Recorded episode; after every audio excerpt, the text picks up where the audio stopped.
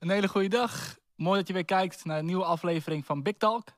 Vandaag zitten we met Paas Ali Moesta vanuit Utrecht gekomen. Uh, geniet ervan. Blijf luisteren, blijf kijken. Paaster, welkom. Dankjewel. Tof dat u gekomen bent. De allereerste vraag die wij u vaak stellen, of die wij, die, die wij de gast altijd stellen, is: wat is uw echte naam? Mijn naam is Humphrey. Mm En dan, uh, mijn familienaam is Ali Moestar. Geen doopnamen, geen... Uh... Nee. Oké. Nee. Geboren en getogen in? Ik ben geboren in Suriname, Paramaribo. Ik ben ook in uh, Paramaribo opgegroeid. Mm ja. In een gezin van? Een gezin van uh, zeven kinderen, waarvan ik de oudste ben. Vijf broers en twee zussen. In Suriname? In Suriname, ja. Oké, en zou je mij mee kunnen nemen naar uw gezinssituatie? Was dat, uh, kwam je uit een streng gezin of een uh, gelovig gezin? Of? Nou, ik kom uit een uh, islamitisch gezin. Is dat? Oké. Okay.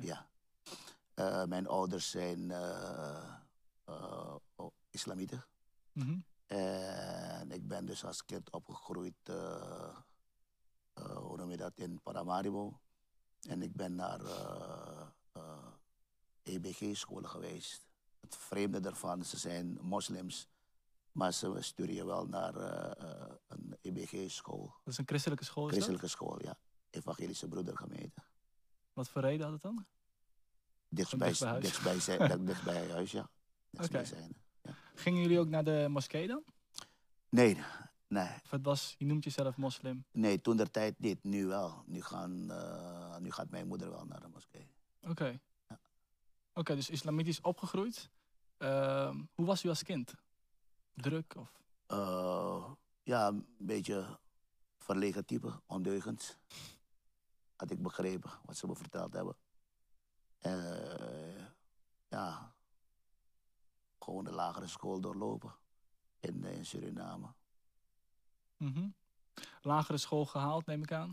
Toen, ja, ja. Toen, toen door gaan studeren?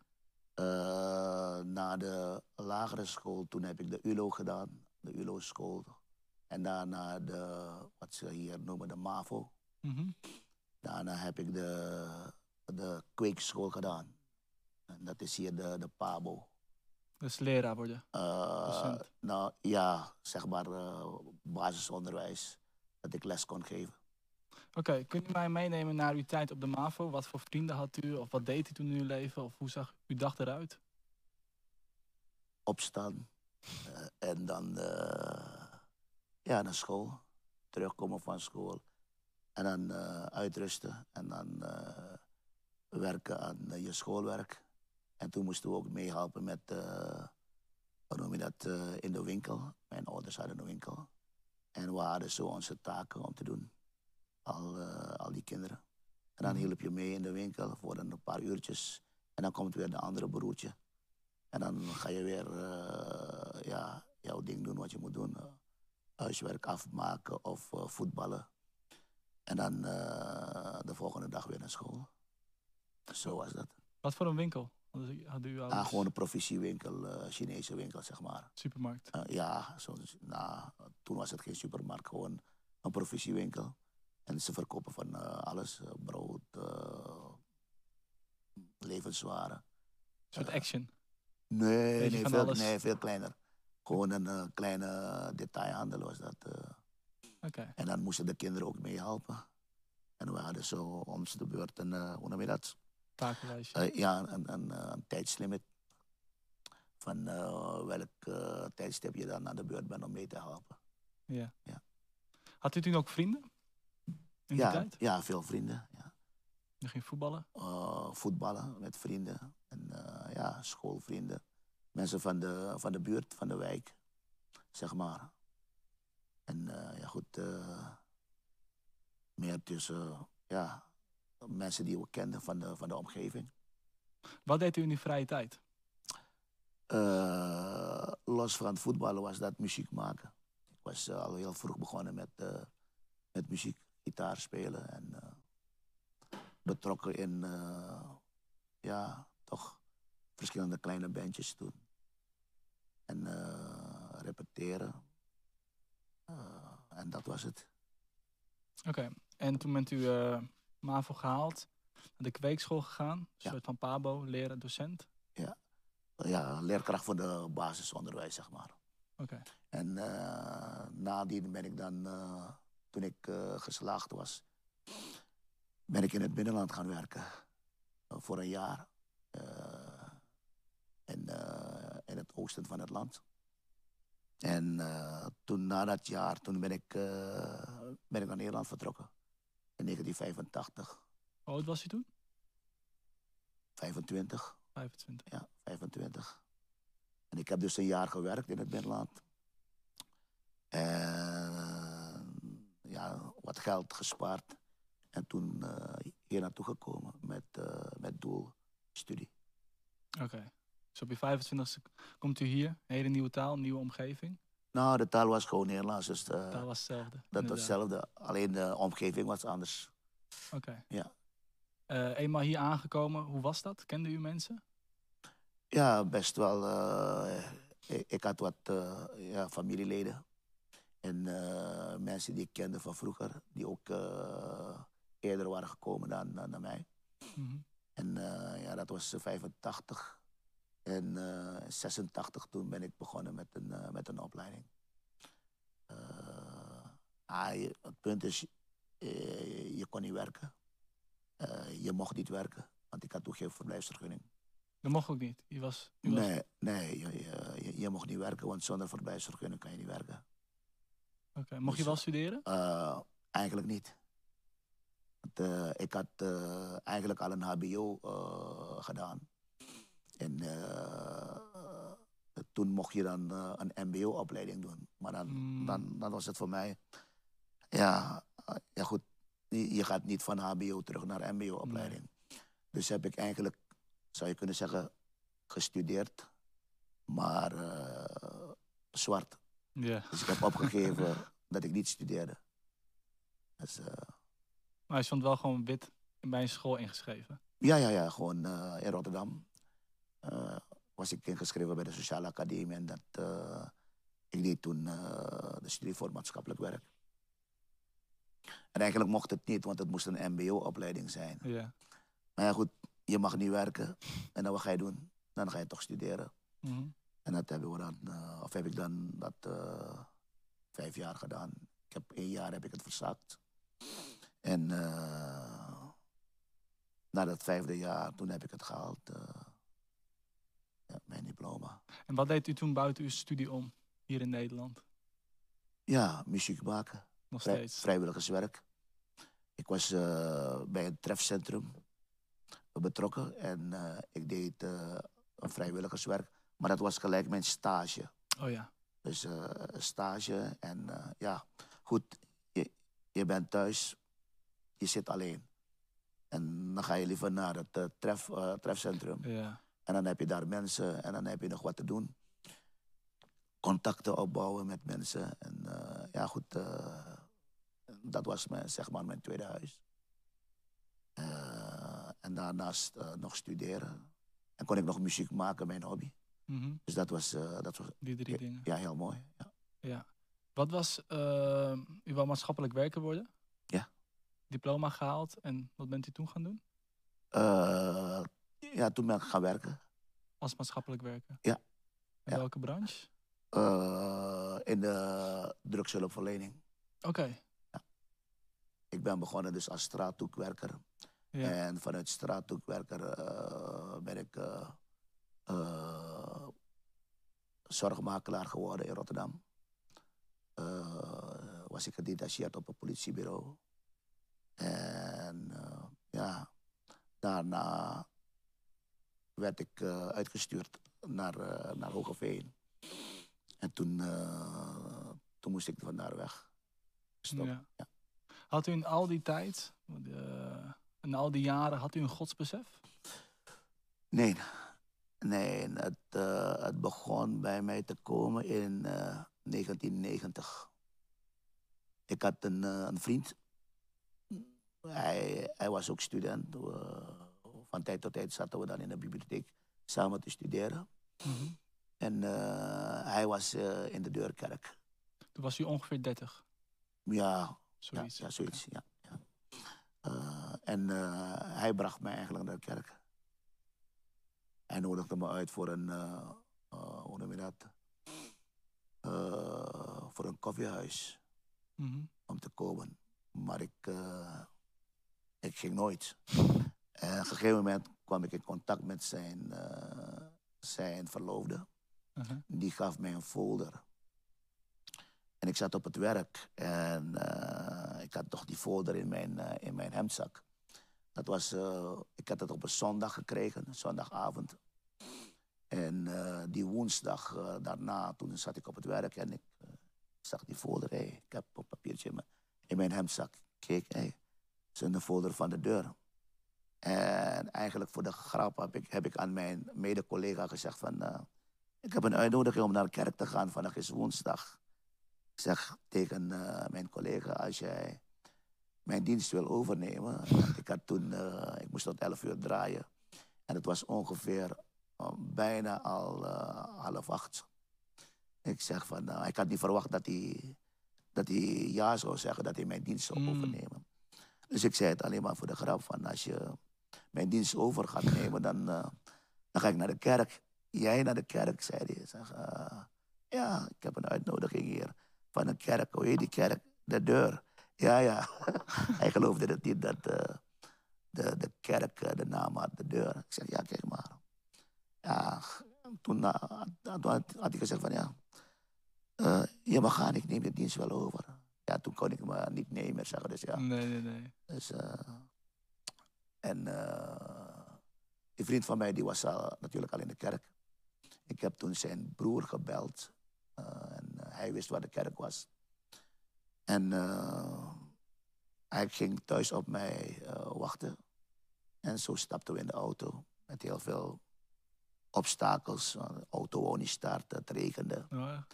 En eh, op een gegeven moment eh, heb ik eh, aan zijn broer gezegd van... eh, kijk, als de auto het verder niet doet, dan eh, heb ik een alibi om niet te gaan. Dan, eh, Nee. Maar hij wilde mij juist brengen. Hij was niet van de Deurkerk, hij was van een andere gemeente. En op een gegeven moment eh, onder Zuidplein door, toen, toen deed de auto het heel goed en kon ik doorrijden. En zo kwam ik dan in de kerk.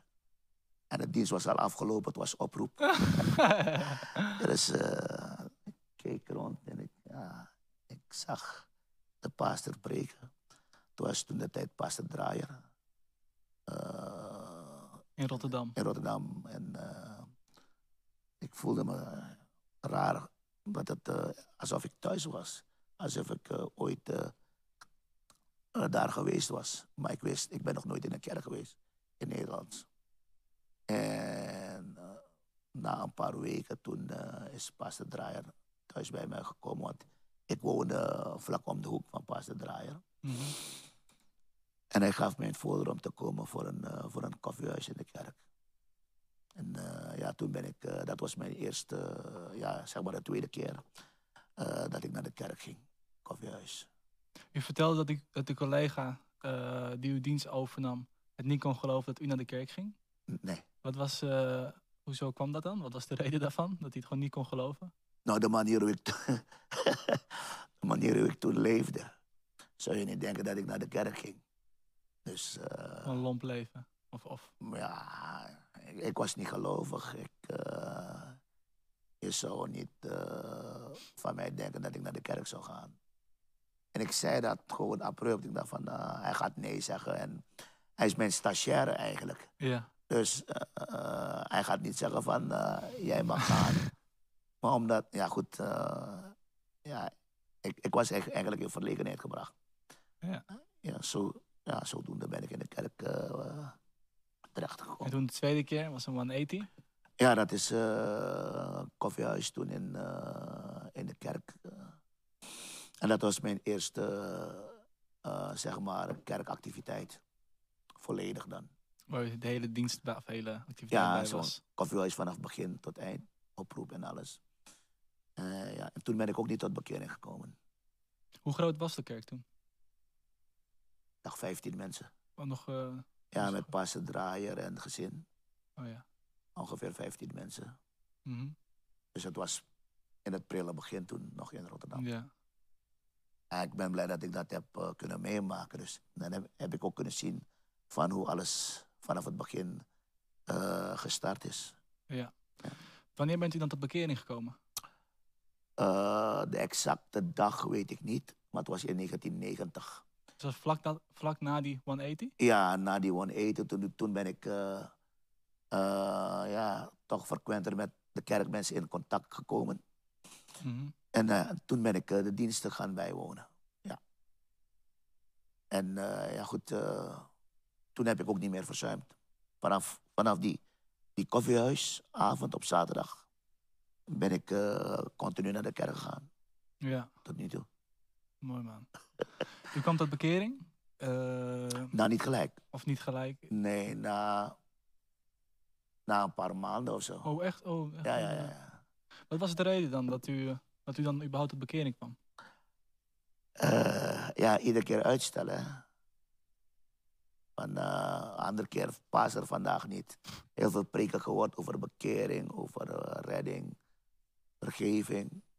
En eh, op een gegeven moment. eh, we waren toen eh, naar Utrecht geweest. Er was een opwekkingsdienst dienst met Chris Davis. Een evangelist uit Australië toen de tijd. Die kwam vaker naar Nederland toe. En dan bleef hij ongeveer een maand en dan, dan, ja, dan gingen we naar al die steden waar hij predikte. En eh, ja, toen was hij in Utrecht. eh. en toen ben ik daar op een maandagavond eh, in Utrecht tot bekering gekomen. Hij zei nog van, als je mensen kent die nog niet bekeerd zijn, Misschien kun je de persoon uitnodigen om mee te gaan naar, naar voren. En toen kwam pastor Draaien naar me toe. Zeg, Humphrey, je hebt het gehoord. Eh, zou je tot bekering willen komen? Toen dacht ik bij mezelf op dat moment, weet je wat?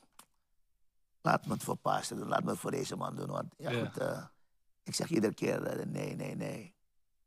Eh, volgende keer. En er kwam er nooit een volgende keer van. En, die, die, die avond ging ik dan met hem naar voren. En ik, ik kan me nog goed herinneren, het was heel druk. Verschillende kerken waren gekomen, er was geen plaats meer in het, eh, in het eh, schoolgebouw. Toen zijn we allemaal, hebben we een, krukje meegenomen, een stoeltje. En toen zijn we buiten op het pleintje eh, gaan zitten. Mm. En toen heeft de evangelist buiten gepredikt. Eigenlijk eh, eh, met koud weer was dat. en eh, het was heel vol. Verschillende pastors waren toen eh, naar die dienst eh, gekomen. En toen stond ik daar. Ik heb gebeden, het bekeringsgebed. En toen vroeg de evangelist van... eh, check jezelf als je beter bent. En ik wist, ik had terugpijn, ik had spit. Mhm. Eh, ik kon zelfs eh, voor een tijdje niet werken. En na dat gebed, ik, ik ging mezelf controleren, voelen. En zo. En ja goed, de pijn was weg. En vanaf dat moment heb ik toen besloten om te zeggen van niemand haalt mij op om naar de kerk te komen. Want ze kwamen me elke zondag ophalen. Maar al de gordijnen waren altijd dicht. En, eh, maar ik stond daar klaar om, om mee te gaan. Ja. Dus eh, met schoenen en al. En eh, ja, en vanaf dat moment heb ik de mensen van de kerk gezegd van... nou, ik wil niet meer dat jullie mij komen ophalen. Ik kom zelf naar de kerk. Maar ze geloofden het niet. Mm. Dus ja, goed. En vanaf dat moment, na die maandag... de volgende ochtend ben ik eh, naar Zuidplein gerend. Ben een bijbel gaan kopen. En toen begon ik, eh, begon ik echt eh, te lezen. Dus kwam tot bekering en diezelfde avond werd u ge, genezen, Genezen, van, ja. van de rug. Van rugklachten, ja. Van spit. Tot nu toe. Nog steeds geen last van. Ge- geen spit meer. Oké. En dat was die overtuiging. En toen ben ik de volgende ochtend de Bijbel gaan kopen. En voor mij was het duidelijk. Ik ga naar de kerk. God bestaat. God bestaat. Eh, en toen kwamen er eh, die andere verlangens. Hè? Eh, vanaf dat moment. En zo ging het. Maar Mm. de juiste dag weet ik niet meer. Het was in, ik dacht in maart 1990 dat ik tot bekering kwam, een maandagavond in Utrecht. Ja. de bekering gekomen, Bijbel gekocht, beginnen te lezen, lezen, lezen. Eh, hoe bent u gediscipeld? Of hoe ging dat proces een beetje? Eh, nou, het punt is, ja, er waren mannen in de kerk, in de, in de kerk van Rotterdam, Mhm. die, ja, eigenlijk, ik was, ik was zo enthousiast na mijn bekering, dat ik, eh, mijn tweede huis was gelijk kerk. Ja. Dus ik wilde alles leren, ik wilde alles doen. Ik wilde leren bidden. Mm, Ik wilde de Bijbel lezen. Ik wist het een en ander vanuit de Bijbel, wat ik op school had meegekregen. Maar eh, niet echt diepgaand. Dus, eh, en die, die, ja, die nieuwsgierigheid en die drang om te leren was dat ik ja, maakte, maakte dat ik eh, gewoon ook met de, met de mensen gewoon optrok. Ja. En eh, ook met passen draaien heel veel gedaan. En hoe reageerde uw omgeving? Uw gezin, moslimgezin? of, of hoe ging dat? Nou, eigenlijk gingen ze wachten. Van, eh, ja, eh, we gaan kijken hoe lang hij het volhoudt. Hij, eh, hij komt weer straks met beide benen op de grond. en op een gegeven moment, ja, goed, dachten ze van dat, ik, dat het voor een tijdje zou zijn. Ja. Maar nu is het al inmiddels jaren. Dus, eh, U had ze direct verteld? nou, ik woonde alleen hier, dus ik hoefde niemand te vertellen. Ik, eh, mijn ouders eh, wonen in Suriname. Dus ik was al boven de 25, dus Ik was had, vrij man. ja, ik hoef niemand wat te vertellen. Ik leefde mijn leven, ik had mijn baan, mijn huis. Ja. Dus, En op het werk? nou, op het werk wisten ze dat ik een christen was. Want, ik vertelde aan iedereen dat ik, eh, die het wilde horen, dat ik christen ben. Ja. Daarvoor, was ik, eh, daar, daar, daarvoor schaamde ik me niet. Nee. Nou, het punt is, ik, ik heb een keuze gemaakt, ik ga die kant uit. En eh, ja, dat was het. Ja. Nou, op een gegeven moment gediscipeld en eh, uiteindelijk uitgestuurd. Ja, na vijf jaar, Na vijf jaar. Ja. Oké, vanuit de Rotterdamkerk? vanuit de Rotterdamkerk. Hebt u ook uw vrouw in, die, in de kerk leren kennen? Ja, mijn vrouw is eh, volgens mij een jaar of anderhalf jaar na mij in de kerk gekomen. Oké. In Rotterdam. Dus vrij snel getrouwd, eh, denk Ja, ik. ja. Toen uitgestuurd naar? Eh, mijn eerste kerk was in Rotterdam-Zuid. Rotterdam-Zuid. Oké. En hoe ging dat? U kwam daar, Rotterdam-Zuid, met uw vrouw. Eh, ik woonde al in Rotterdam-Zuid. Dus, oh, het was eh, gewoon... eh, ja. Oké. Ja, ik woonde al in Rotterdam-Zuid en, en ik werkte in het centrum, dus dat was geen probleem voor mij.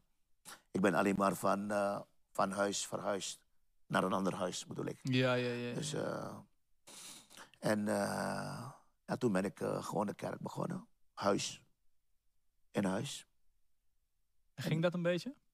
Ik had 40 man in mijn huis. Oh, echt? Ja. Woonde u op een boerderij? Nee, 40 mensen. 40 mensen in mijn huis. Oké. En uiteindelijk, eh, nou ja, die 40 mensen met uw Pasen van. En toen bent u? Van, eh, eh, vanuit Rotterdam. Toen ben ik een jaartje terug voor Redirection. Mhm. En daarna ben ik, was ik uitgestuurd naar Amsterdam-Noord. Oké. Eh, maar ik kwam de stad niet binnen. Toen eh, ben ik doorgegaan naar Spijkenisse. U kwam de stad niet binnen, wat bedoelt u daarmee? Na, eh, ik had wel werk, maar ik kon geen huis vinden. Oh, Dus eh, dat was moeilijk toen, met, met, met huizen vinden. ja. En toen ben ik toen richting uh, Spijkenisse gegaan. Toen heb ik drie jaar gepioneerd in Spijkenisse. Daarvoor drie jaar in Rotterdam-Zuid, drie jaar in Spijkenisse. En vanuit Spijkenisse ben ik daarna naar Hogeveen gegaan. Drie jaar. Heel veel terug naar Spijkenisse. Ja. Dan, kom je dus, dan, dan kom je wel in een nieuwe stad. En je begint weer vanaf nul. Vond u dat niet, eh, want u had 40 mensen in principe. Het vanaf nul beginnen vond u verder geen probleem. Nee, ik heb, eh, ik heb altijd eh, gepioneerd. Dus ik heb dat wat ik altijd geleerd heb vanuit de moederkerk, heb ik altijd dat toegepast. Toegepast. Evangelisatie, eh, mensen uitnodigen, eh, preken maken, preken. En eh, ja goed, al datgene wat ik uh, pastors zag doen, deed ik ook. Mhm. En of het nou pionieren is of, of, of, wat anders. Ik wilde iets doen voor God. Dus de gedachte dat het moeilijk zou zijn en uh, een nieuwe stad. Voor mij Spijkenisse was ook geen nieuwe stad. Want Spijkenisse is naast Rotterdam-Zuid. Ja, vlak bij huis. yes, uh, ja. En toen Hogeveen? Hogeveen was vrij nieuw. Dat ligt ergens anders? Ja. Uh, dat was uh, vrij nieuw toen. Maar goed, ik had al een beetje ervaring vanuit Spijkenisse en Rotterdam-Zuid. En het is hetzelfde weer. Uh, je komt daar, je zoekt een huis, uh, je verhuist. En dan, uh, ik had mijn baan toen in, in Almere. Want ik was vanuit, vanuit Rotterdam, kon ik niet hier in deze regio werk vinden. Mhm. Toen ben ik in Almere gaan werken voor dacht, negen maanden. En, uh, Nog steeds bij de politie of met de drugs? Uh, toen uh, bij het RIAG ben ik gaan werken in Almere. Ken ik niet. RIAG, ja, ook met de drugshulpverlening. Okay. ja, en toen, hoe noem je dat, ben ik een zaal gaan zoeken. in Hogeveen. Een staaltje gehuurd. En toen, ja, folders gemaakt. Folders uitgedeeld, toen kwamen er weer mensen. Eén persoon, één gezin, twee gezinnen. Uh, en toen is het uh, zo weer gaan lopen. Had je toen al kinderen? Ik had al twee kinderen. Okay. Ja, en uh, toen ik in, in Rotterdam-Zuid heb ik, had ik al twee kinderen. Oh, okay. Dus gelijk na mijn trouwen, kort daarna had ik al twee, waren twee, nou al twee jongens. Zes, zeven, dat is nou een Ja. Hogeveen wagen. Ja. Oké, en hoe lang bent u in Hogeveen geweest? Ook drie jaar. Ook drie jaar. drie, drie, drie, drie. Drie jaar. En toen bent u naar? Uh, toen was er een open deur om naar Suriname te gaan. Oké. En toen ben ik, uh, ik dacht 2006, met mijn gezin geremigreerd naar Suriname. En was ik daar uh, missionaris vanuit, vanuit hier, Mhm. vanuit Nederland. Ja. En in Suriname heb ik vier jaar een kerk gehad. Overgenomen of ook weer pionieren? Nou, de kerk in Hogeveen heb ik toen overgedragen aan pastor uh, van Leeuwarden. Mhm. Uh, of nee, aan, even kijken, nee, aan, aan Arjan Draaier was dat. Oké, okay, broertje ik, van ja, Pastor Draaier. Nee, zoon van pastor Draaier. Oh, zoon. Oh, ja. Ja. ja. ja. Heb ik toen mijn kerk daar in Suriname heb ik, overgedragen aan pastor Draaier, Arjan Draaier. En in Hogeveen hier, de kerk van Hogeveen had ik toen overgedragen aan Clyde van Leeuwarden. Dat was het. Oké. Okay. Ja. Nou, eenmaal in Suriname, dat is uh, wat verder bij huis, maar toch een beetje een thuisgevoel omdat u uit Suriname komt. Ja. En hoe ging dat? U kwam daar aan? Ik kwam daar aan. Ik had een huis, want dat had ik al geregeld. Ik had een baan, dat had ik al geregeld. Uh, dus is hetzelfde. Mhm. Mijn folders uitpakken en uh, de straat op en uit, uitdelen. En dan uh, mensen uitnodigen. Ik had een school uh, gehuurd. en ja, toen is daar, zo ben ik ook de kerk begonnen. Hebt u nooit, u praat er heel makkelijk over, van ja, nee, gewoon folders uitdelen, evangeliseren. Hebt u nooit in die tijd twijfel gekend of van, oh man, vandaag, oh, weet ik niet, lastig, lastig? Wat voor twijfels moet je hebben dan? Nou ja, twijfels of misschien geen zin of ontmoediging of... of... Uh, bij mijn eerste conferentie hier, nadat ik in maart tot bekering ben gekomen in augustus, toen uh, sprak pastor Mitchell hier uh, op het terrein. Er was een tent hier gebouwd. Dat was mijn eerste conferentie. Mm -hmm. En vanaf dag één, die maandagavond, toen was het me duidelijk. Uh, na die preek van nee, dit is wat ik wil gaan worden. Ik wil prediker zijn. Ik wist duidelijk van, uh, uh, ik heb een roeping voor uh, om prediker te zijn. Dus als je me vraagt van, heb je twijfels? Nee. Wat vond u dan het lastigst in die tijd? Wat vond u moeilijk? Of wat had u dan? Moeilijk? Ja, misschien moeilijk of... Ja. Toen de tijd was niks moeilijk. je was blij dat je het mocht doen. Ja. Het was een gunst. Ja. Dus ik heb het niet zo gezien in de trant van moeilijk. Het is altijd een uitdaging. En eigenlijk ook een voorrecht. Dat je mensen mag aanspreken. Dat je een kerk mag bouwen. Mhm. Dat je een kerk mag pionieren. Dat is een voorrecht. Vandaar dat, dat idee van het is moeilijk of... oh, nee. Ja, weet je, dat is een beetje... Dat idee krijg ik altijd. Van oh, lastig, lastig, zwaar, keihard werken, lange dagen, druk, druk, druk. Maar dit is dan weer de andere kant, als je het zo bekijkt. Nou, Weet je wel? je, je weet, je hebt ervoor gekozen. Ik heb ervoor gekozen. Ja. Of het nou lange dagen is. Of korte dagen. Maakt niet uit. Dit is wat ik doe. Ik heb een roeping. God heeft mij geroepen. Ja. Dus dan ga ik het doen. En dat het niet makkelijk is, dat weten we allemaal. en dat het Ja. tijd gaat kosten, dat weten we. En die roeping is belangrijker. Ja, dat is wat ik wil gaan doen. Vanaf mijn eerste conferentie in maandagavond. En ik ben ook niet naar voren gegaan hè, toen. Altijd ben ik een beetje, een beetje langdradig om naar, naar voren te gaan. Nee, ik ben toen naar Passer gegaan. En Passer. Ik zeg van, nou, ik voel me slecht, want eigenlijk had ik naar voren moeten gaan. Maar ik dacht van, roeping, roeping. Eh, je bent net in de kerk, je bent net komen kijken. En toen zei Passer ook zo van, nou, wacht even. Het gaat weer komen. Mhm. En als je die, die, dat gevoel weer krijgt, dan ga je gelijk. En eh, ja, dat heb ik ook gedaan. Wat voelde u toen? Of hoe wist u zeker dat het toen een roeping... Ik, ik zag Pastor Mitchell preken en ik dacht van, dit is wat ik wil. Ik ga dat ook doen. Ik wil dat. Ja. En er, wa- er was geen idee of iets van ah, moeilijk, eh, te, te langdradig of eh, gaat het in mijn boterham kunnen voorzien. Al die dingen was Bijzaak. bijzaak. Dat verlangen om eh, Gods woord te brengen tot mensen. Ja, dat, dat, dat, was, dat was die drijfveer om het te doen. Vandaar dat, ja goed, eh, eh, niks is gemakkelijk. Nee, is ook zo. U kwam aan in Suriname, bouwde een kerk daar. En eh, ja, toen, we hebben vier jaar eh, daar gepioneerd. Eh, anders dan in, Surin eh, dan, dan in Nederland, moet ik zeggen. Eh, ja goed, eh, hier, hier was het nog makkelijker. Omdat mijn, mijn, mijn- vrouw is van Molukse komaf.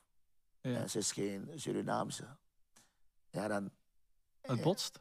ja, goed, het is een andere cultuur voor haar, voor mij Ja. niet. En ja, goed, eh, ik had toen afgesproken van nou, we blijven vijf jaar. En na die vijf jaar dragen we de kerk over. En dan eh, komen we terug naar Nederland. Maar toen was er een mogelijkheid om eerder te komen hier naartoe. Na mijn vierde jaar. En eh, daar wa- was, was ik blij mee, want de kinderen wilden ook terug. Mhm. En eh, mijn vrouw, die, ja, die, die wou ook terug. Dus eh, toen na vier jaar zijn we teruggekeerd. Ja. Eenmaal terug in Nederland, weer naar de Rotterdamkerk. Nee, Of- nee, nee, nee, nee. Want eh, toen ik terugkwam, viel ik onder de, onder de Utrechtkerk. Utrecht, oké. Eh, ik had de Utrechtkerk overgenomen. Dus, eh, Of vanuit Suriname bent u ja. direct paas geworden van Utrecht Ja, ik heb, een, ik heb de kerk overgenomen. Oké. Ik heb dus al die jaren gepioneerd. En, en toen in 2009 zijn we teruggekeerd. In 2009. Bijna, eh, meer dan tien jaar geleden, elf jaar. Elf jaar. Hoe groot was de kerk toen? Nou, weet ik niet meer zo goed. Maar eh, ja, niet zo groot zoals het eh, nu is. Dus je kon ook niet fulltime?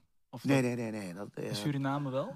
Nee, Suriname Ook- ook, ook niet. niet. nee, nee, nee. Toen ik terugkwam, toen heb ik gemaild naar mijn oude werkgever.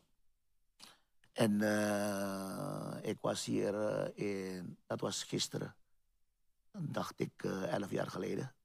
Dat u weer terugkwam. 30, 30 ju- eh, Ju- juni. juni kwam ik elf jaar geleden terug. Ja.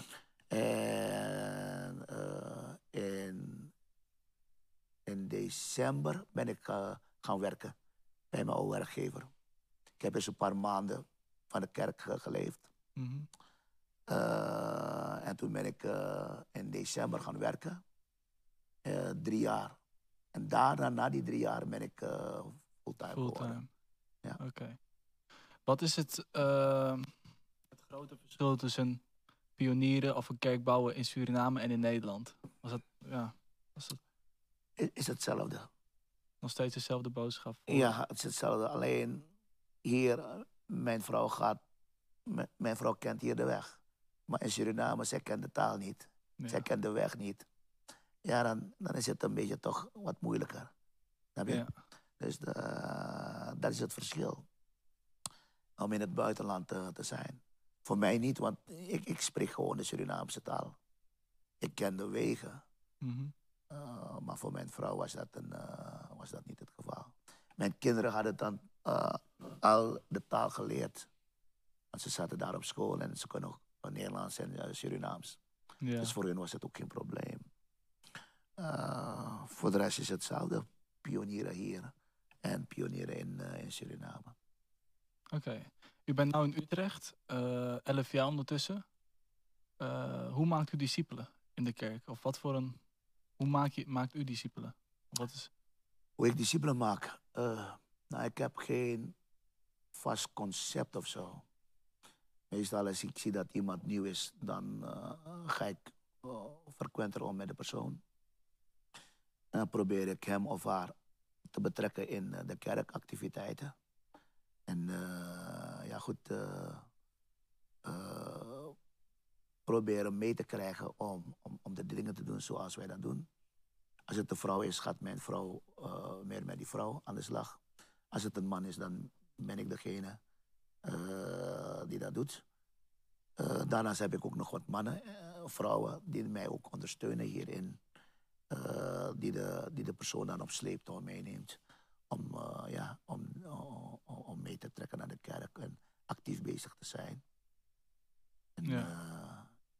en zo hun ja, volledig te laten participeren in, uh, in de kerkactiviteiten. Ja, meer echt, echt uh, de mensen betrekken bij de dingen van de kerk op die manier. Ja. ja.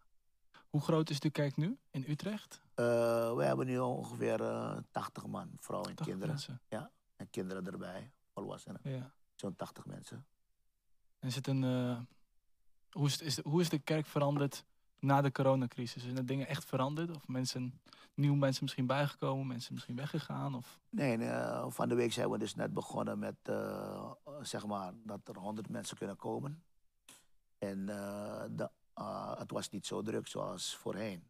Ja. Dus ja, goed, we moeten er nog gaan bezien de komende weken.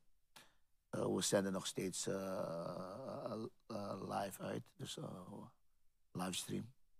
Mm -hmm. Maar uh, ik denk dat, ja, dat het nog op gang moet komen. Dat, uh, dat de mensen weer uh, de activiteiten of de diensten gaan bijwonen. Ja, een hele andere vraag even. Schiet me net te binnen. Ehm, wat is de grootste verandering van voor uw bekering en na uw bekering? Dat u echt weet van, oké, okay, dit is echt in mij veranderd. Ik denk mijn manier van leven, maar mijn manier van doen. Vroeger uh, dan ben je elk weekend weg. Uh, je bent muzikant, je speelt in, uh, op feestjes. En, je hebt altijd ergens op te gaan. Afspraken met vrienden. En nu is alles gericht op kerk. Dus dat is die hele verandering. En eh, dat je voor God leeft. Mm, Je, je bent niet betrokken meer in het wereldse.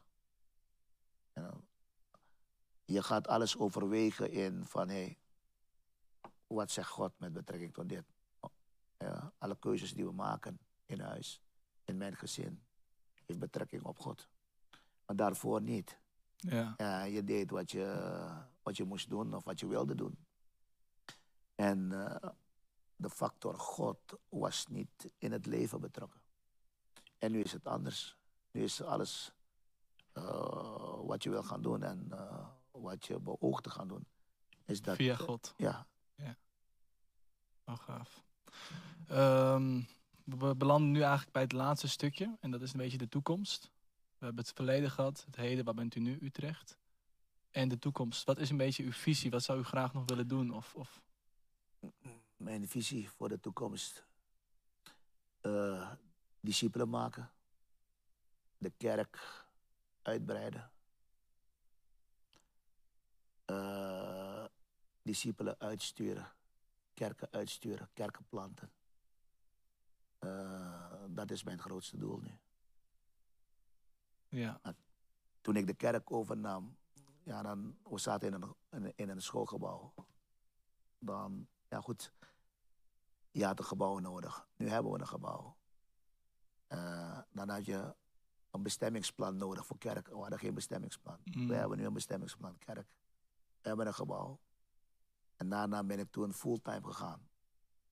En vanuit fulltime gebeuren eh, eh, verder doorgegroeid.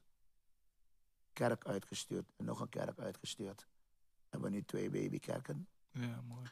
En ik wil op diezelfde voet eigenlijk doorgaan wat ik al die andere pastors heb zien doen. Discipelen maken. eh echtparen uitsturen. Kerkplanten. Dat is mijn- echt de visie. Dat is mijn doel. Dat, dat is ook, eh, denk ik, een visie van, de, van onze fellowship. Dat we echtparen gaan brengen daar op de plek, op de plaats waar ze horen, om daar het evangelie te brengen. Zodat mensen eh, Gods woord kunnen horen en veranderd kunnen worden, bekeerd kunnen worden, eeuwig, eeuwig leven kunnen krijgen.